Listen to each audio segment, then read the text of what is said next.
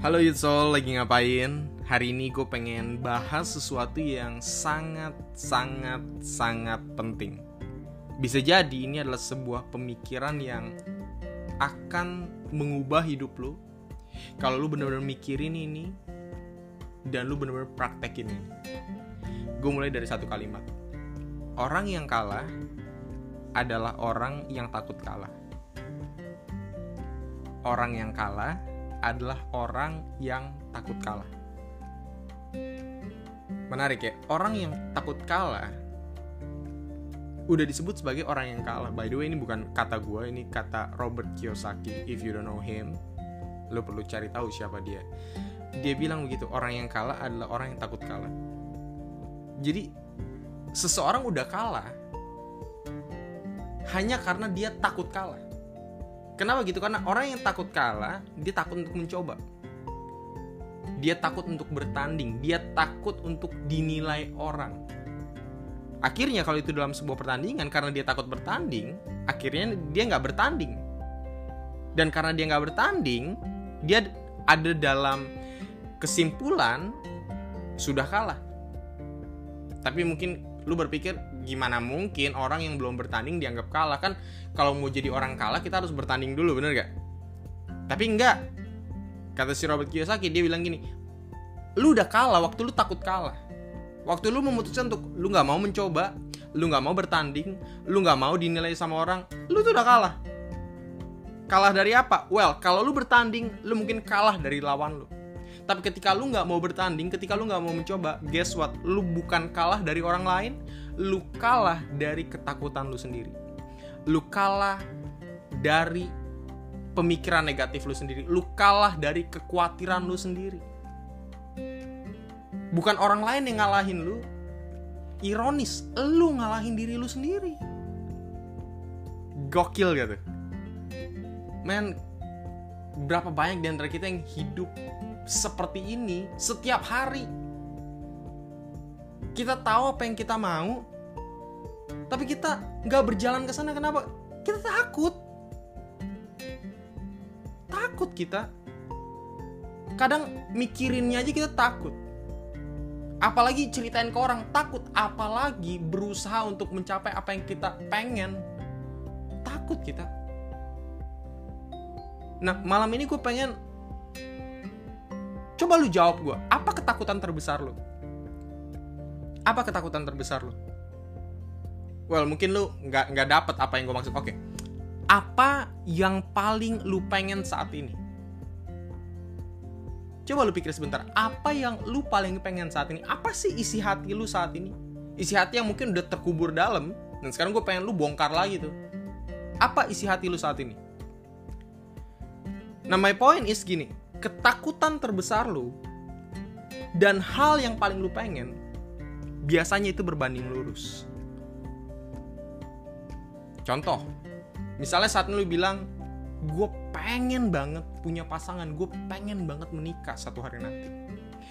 Kalau itu isi hati lu saat ini, kemungkinan besar ketakutan terbesar lu adalah lu takut nggak punya pasangan, lu takut nggak ada yang mau sama lu, lu takut nggak menikah satu hari nanti kalau keinginan terbesar lu saat ini adalah gue pengen banget buka usaha gue pengen buka lapangan pekerjaan buat orang lain.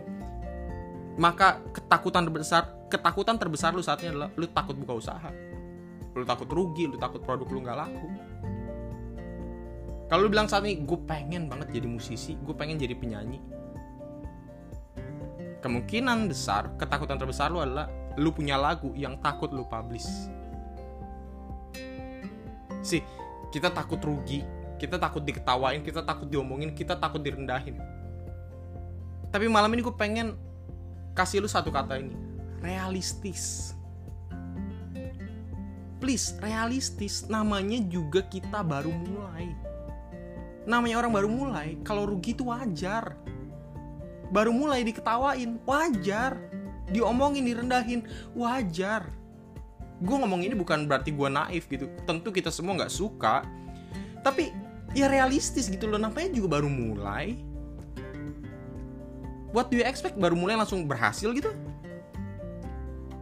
Enggak dong. Realistis lah. Namanya baru mulai berproses. Waktu kita rugi waktu kita diketawain waktu kita direndahin diomongin sama orang itu semua proses yang akan jadikan kita lebih pinter lebih berpengalaman lebih baik tapi mungkin lu jawab tapi kan malu cat begitu. Gue jawab gini kalau lu kalau itu bener-bener apa yang lu pengen lakukan dalam hidup lu? Kalau itu bener-bener apa yang pengen lu capai dalam hidup lu? Harusnya itu worth it. Malu harusnya worth it rugi di awal harusnya worth it. Diketawain orang di awal harusnya worth it. Direndahin orang di awal diomongin orang di awal harusnya worth it. Kalau itu betul-betul apa yang lu pengen capai dalam hidup lu. Kalau lu pernah lihat talk show atau obrolan orang-orang yang sukses gitu ya mereka tuh bisa dengan nyaman ceritain kegagalannya. Lu pernah gak denger Jack Ma ceritain kegagalannya uh, Bill Gates ceritain kegagalannya.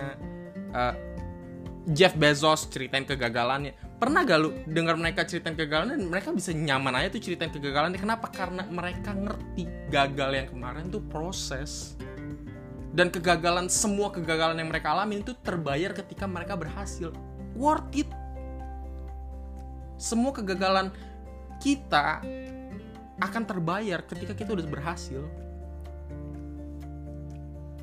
So, semua orang sukses melalui jalan ini, jalan kegagalan. Jadi kalau kita gagal, lu gagal. Kabar baik, lu ada dalam perjalanan menuju keberhasilan. Karena semua orang sukses melalui jalan itu kan. Jalan kegagalan itu mereka lewatin. Jadi kalau kita juga ngelewatin jalan itu, guess what? Kita ada di jalan yang yang mereka pernah laluin nih tugas kita ya keep moving forward maju terus gagal lagi maju lagi gagal lagi maju lagi. Cat ngomongnya gampang gue tahu ngomongnya gampang. Tapi kalau nggak begitu caranya cara apa lagi yang bisa lu tempuh? Sekali lagi kalau itu betul-betul apa yang lu pengen dalam hidup lu harusnya gagal rugi diketawain diomongin harusnya semua itu worth it. Karena semua itu akan terbayar ketika lu berhasil. So hari ini gue pengen lu coba korek isi hati lu. Apa apa yang lu pengen capai dalam hidup ini? Apa yang lu pengen capai dalam hidup ini? Dan make sure itu worth it dengan semua resiko yang mungkin terjadi kalau itu nggak worth it either nyali lu kurang gede atau isi hati lu belum bener-bener isi hati lu yang terdalam. Itu aja dari gue malam ini. Thank you for listening guys. God bless you. Good night